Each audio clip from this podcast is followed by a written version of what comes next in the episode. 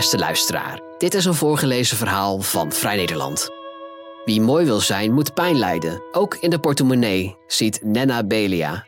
Ze bekeek de badkamerplankjes van haar vriendinnen en constateerde dat ze honderden euro's uitgeven aan skincare routines. Waarom eigenlijk? Sam Peperkamp leest voor.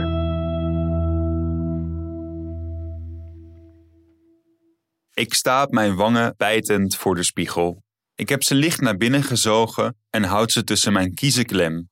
Tieners, TikTokkers en jongvolwassenen die hip mee proberen te doen, zijn in de grip van de mode, muziek en make-up van the year 2000, Y2K. En ingevallen wangen horen daarbij. De volle wenkbrauwen en lippen van een paar jaar geleden maken plaats voor een dunnere variant en ook onze wangen moeten aan de lijn. Buccal Fat Removal, de cosmetische ingreep waarbij het vet uit de onderwang verwijderd wordt, groeide het afgelopen jaar in populariteit en ik was stiekem toch benieuwd hoe het eruit zou zien. Dus daar sta ik, knauwend voor de spiegel. Achter diezelfde badkamerspiegel huist mijn zogeheten skincare routine. Als een iets wat chaotische apotheek staan de tubetjes, potjes en glazen flesjes met pipet op een plankje gepropt. En als een heuse scheikundige smeer ik de boel iedere ochtend en avond op mijn gezicht. Een salicylzuur om puistjes op te lossen, een melkzuur om pigmentvlekken uit te gummen, een retinolzuur om de rimpels, die ik als 25-jarige nog niet heb, alsnog ongedaan te maken, en een vitamine E-crème om mijn huid, die door al dat zuur flink van slag is, weer te kalmeren. Antioxidantdruppels beschermen tegen uitlaatgassen, een zonnebrandcrème beschermt mij tegen nieuwe puistjes, pigmentvlekken, rimpels en andere kwalen. En een schuimende cleanser wast het hele zooitje er aan het einde van de dag weer af. Geloof het of niet, maar het hebben van een skincare routine is tegenwoordig heel normaal. Zogenaamde skinfluencers beoordelen producten op sociale media. Gezichtsverzorgingsmerken hebben digitale vragenlijsten om de beste routine voor jou samen te stellen. En in Vogue's populaire Beauty Secrets serie op YouTube laten beroemdheden zien hoe en vooral met welke producten zij voor hun perzikhuid zorgen. Mij afvragend of mijn skincare routine niet een beetje overdreven is, bekeek ik de badkamerplankjes van 25 meiden om mij heen. Gemiddeld gebruikten wij ochtends en avonds vier producten. En die producten kosten gemiddeld 97 euro bij elkaar. Dat lijkt veel en dat is het ook. Hierbij opgeteld komen de kosten die meer dan een derde van ons uitgeeft aan professionele gezichtsbehandelingen. Variërend van bezoekjes aan de schoonheidsspecialist, wimpers permanent laten krullen, laserontharing en lymfklierdrainages. Allemaal behandelingen tussen de 90 en de 1100 euro per jaar. Sorry, maar waar doen we dit ook alweer voor? Debatten over schoonheidsidealen, waar we het voor doen en de daaropvolgende vraag of deelname aan schoonheidspraktijken de vrijheid van vrouwen in de weg zit, zijn ouder dan het feminisme. In het boek A Vindication of the Rights of Women uit 1792 vergeleek Mary Wollstonecraft, feminist avant la lettre, de geest van vrouwen met een bloem, waarvan de schoonheid belangrijker wordt geacht dan haar kracht en bruikbaarheid. De bloem wordt geplukt wanneer zij op haar mooist is en verwelkt voordat de plant volwassen kan worden. Zo was voor de 18e-eeuwse aristocraat de schoonheid van een vrouw, tot Wollstonecrafts grote spijt, belangrijker dan haar ontwikkeling. Met het regelen van iets urgentere kwesties, zoals wettelijke gelijkheid en stemrecht, keerde de vraag over schoonheidsidealen terug in het feministische debat. Feministen van de Tweede Golf bekritiseerden schoonheidspraktijken omdat ze gezien werden als een manier om onderscheid tussen mannen en vrouwen te versterken en patriarchale normen te benadrukken. Simone de Beauvoir beschrijft in 1949 in Le Deuxième Sexe, handboek voor de Tweede Golf, de manier waarop het maatschappelijk opgelegde schoonheidsideaal het lichaam dusdanig passief en versierd wil hebben dat het vrouwen niet in staat stelt vrij te bewegen, noch vrij te denken.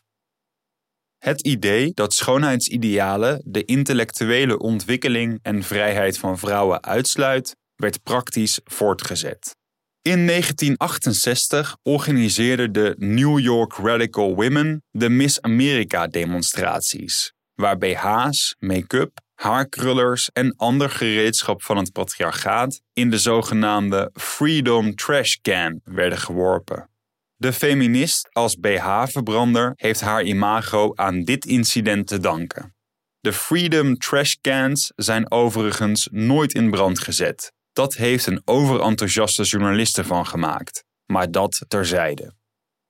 Gelukkig maar, want begin jaren 90 konden BH's volop van de brandstapel af en de feministische borst op. Na twee decennia intern gekibbel over waar feminisme nu echt voor moest staan, bracht Kimberley Crenshaw in 1989 de term intersectionaliteit de wereld in en baande Judith Butler in 1990 de weg voor queer theory door het concept gender open te breken. Feminisme in de jaren 90 was duidelijk inclusiever en ook de opgetutte vrouw hoorde er nu bij. De make-up dragende Riot Girl herclaimde de term girl. Lipstick-feministen suggereerden dat vrouwelijkheid en sensualiteit samen kunnen gaan met de strijd voor gelijkheid. En neo-burlesque clubs werden geopend als vorm van empowerment. De derde golf vierde de keus die vrouwen hebben om wel of niet aan schoonheidspraktijken mee te doen en gaf er op deze manier een nieuwe betekenis aan. Naast de lage broeken, grote haarklemmen en dunne wenkbrauwen die nu langzaam terug in ons huidige straatbeeld sijpelen, was in de late jaren 90 en vroege jaren 0 ook het postfeministisch denken razend populair. Vrouwen konden inmiddels al lang stemmen, ze konden scheiden, ze konden werken, meisjes haalden jongens in op school en 1992 werd zelfs uitgeroepen tot het jaar van de vrouw, na deelname van een recordaantal vrouwelijke verkiezingskandidaten voor de Senaat in de VS. De feministische vlag kon uit.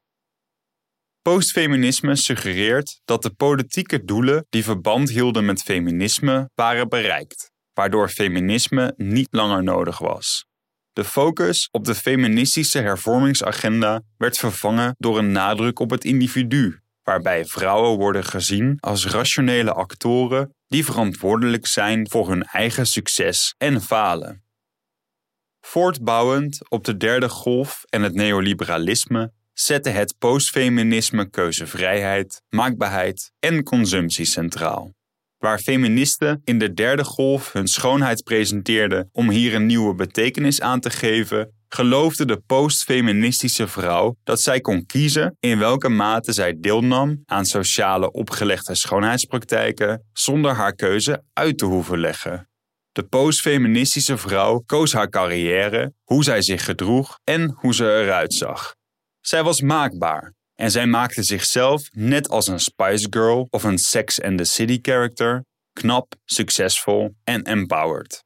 Noem het girl power, noem het neoliberaal individualisme. De postfeministische vrouw oefende haar keuzevrijheid en maakbaarheid uit door deel te nemen aan de markt, aan de consumptiecultuur, zodat zij zichzelf kon presenteren als een vrouw die de discipline en zelfcontrole uitoefende die kenmerkend waren voor het postfeministische sentiment. Ze volgde dus meerdere schoonheids-, mode-, fitness- en dieetregimes. Angela McRobbie, cultuurtheoreticus en feminist, zette het probleem van postfeministisch denken uiteen. De afwijzing van het feminisme maakte het mogelijk om subtiele genderongelijkheid over het hoofd te zien, vanwege de nadruk op het vieren van de vrijheden die vrouwen al hadden bereikt. Bovendien werd genderongelijkheid neergezet als een individueel probleem en de vrouw als bekwaam genoeg om hier zelf mee om te gaan. McRobbie beschrijft de situatie waarin we sinds de jaren 90 zijn beland als een nieuw seksueel contract dat jonge vrouwen aanspoort om van hun privileges te genieten door hyperactief mee te doen aan consumptie, onderwijs, werkgelegenheid en seksualiteit. Ook schoonheidsidealen werden losgekoppeld van oude ongelijkheden en gezien door een postfeministische bril. Vrouwen beoefenden schoonheidspraktijken, niet om te voldoen aan van buitenaf opgelegde schoonheidsnormen, maar voor persoonlijk plezier, zelfvertrouwen en concurrentie met andere vrouwen. Hoewel het aantrekken van mannen niet meer de belangrijke reden was om aan die schoonheidspraktijken deel te nemen, onder het nieuwe seksuele contract was het onderdeel geworden van de persoonlijke verantwoordelijkheid en zelfverwerkelijking van de vrouw, stelt McRobbie dat de succesvolle jonge vrouw zichzelf nu eindeloos moet opmaken om haar rivaliteit met mannen in de arbeidswereld te verbergen. Want de vrouw, als geprivilegeerd subject, vormt een nieuwe concurrentie voor de man. En er seksueel wenselijk uit te zien is, als het ware, een tactiek van geruststelling. Inmiddels leven we in 2023, niet in 2003. Gelukkig is het feminisme de afgelopen 20 jaar weer in de mode geraakt en bracht de opkomst van sociale media een vierde golf met zich mee. Hashtag MeToo zette seksuele intimidatie op de kaart. Hashtag He4She trachtte mannen bij de strijd te betrekken. De We Should All Be Feminist TED-talk van Chimamanda Ngozi Adichie ging viraal. De Marea Verde-beweging won abortusrechten in Zuid-Amerika. Vrouwen leren onder de term hashtag girlboss over financiële onafhankelijkheid. En te midden van de klimaatcrisis groeit het ecofeminisme. Op het gebied van schoonheidsidealen zagen we hashtag free the nipple. Okselhaar was even hip. BH's gingen weer de deur uit. Body positivity is en vogue. En make-up voor elke huidskleur werd normaal. Feminisme is terug. Maar de postfeministische drie-eenheid van maakbaarheid, keuzevrijheid en consumptie weigert het podium te verlaten. Onder het mom van zelfverwerkelijking en het beste uit jezelf halen, rennen we van ons sportklasje naar de schoonheidsspecialist, smeren we 97 euro aan producten op ons gezicht en slikken we als vrije autonome schoonheden haargroeitabletten achterover met een vers geperst selderijsapje. Wie mooi wil zijn, moet pijn lijden, ook in de portemonnee. Waar gaat het geld naartoe? Ik kijk nog eens naar mijn badkamerplank. Elk product is zorgvuldig uitgekozen om mijn problemen zo goed mogelijk op te lossen. Elk product, weliswaar van een ander merk, is ook eigendom van dezelfde drie bedrijven. Ik zocht hun CEO's op uit nieuwsgierigheid naar wiens zakken ik vul. Drie mannen, geboren tussen 1957 en 1967, staren mij met terugwijkende haarlijn, een scheve glimlach en een strakke stropdas aan. Profiteren zij van mijn schoonheid of onzekerheden? Ik kijk naar de producten van mijn vriendinnen. Van de 103 producten en 50 merken op onze collectieve badkamerplank valt meer dan de helft onder dezelfde drie multinationals: L'Oréal, de Estée Lauder Companies en Unilever. Onze imperfecties voeden hun imperium. Bij de 47 andere merken staat bij de overgrote meerderheid ook een witte man van rond de 60 aan het roer. Hoe langer ik naar ze kijk, hoe meer ik mij afvraag of we niet beter bepukkeld en gerimpeld samen uit eten kunnen gaan in plaats van ons geld aan hen uit te geven. Doe het dan niet.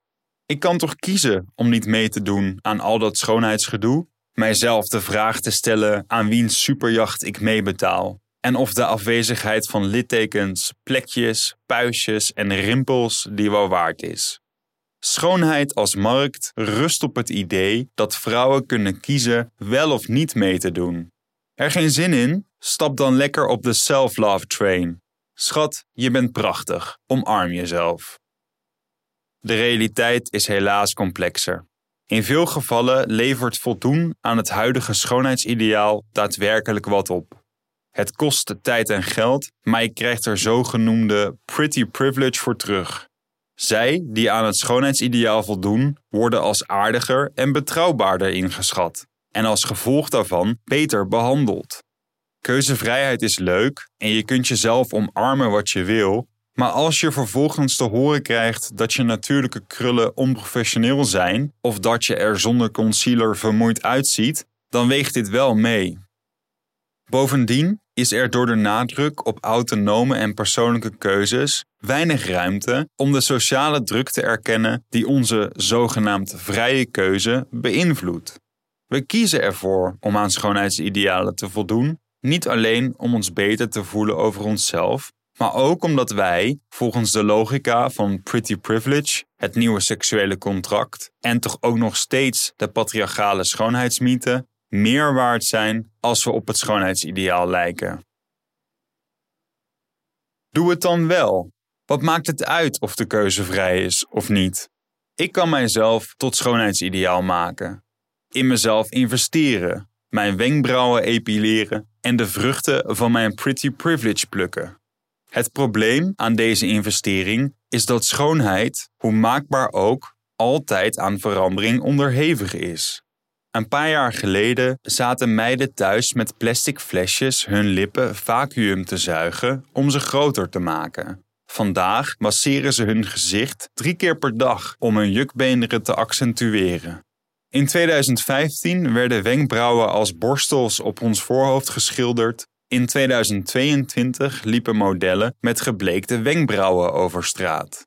Tien jaar geleden kochten we massaal toners en poeders om een zo mat mogelijke huid te krijgen. Vandaag smeren we s'nachts vaseline op ons gezicht om er overdag als een glazed donut bij te lopen.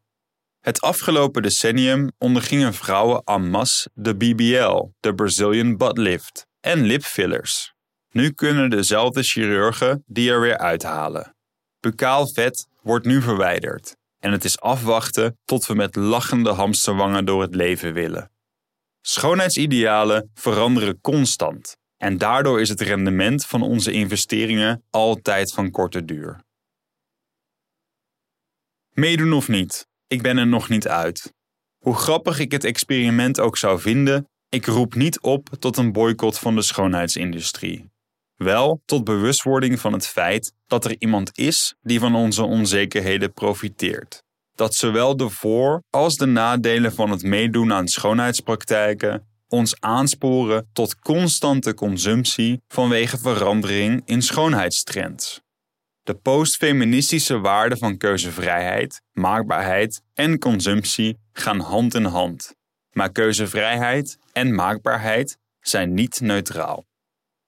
Het investeren in onze schoonheid is nooit af, omdat de normen constant veranderen. Tevreden zijn met onszelf daarentegen is niet seizoensgebonden.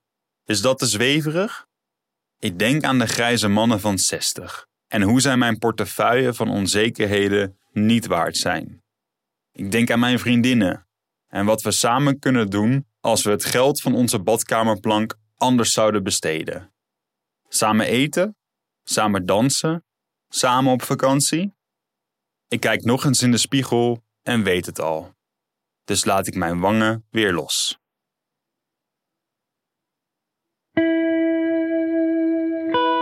Wil je meer verhalen van ons lezen of beluisteren? Kijk dan op vn.nl of abonneer je op Vrij Nederland in je podcast-app. Voor onze trouwe luisteraars hebben wij ook een speciale actie. Een half jaar Vrij Nederland online voor maar 15 euro. Kijk voor de aanbieding en de voorwaarden op vn.nl/podcast. Bedankt voor het luisteren.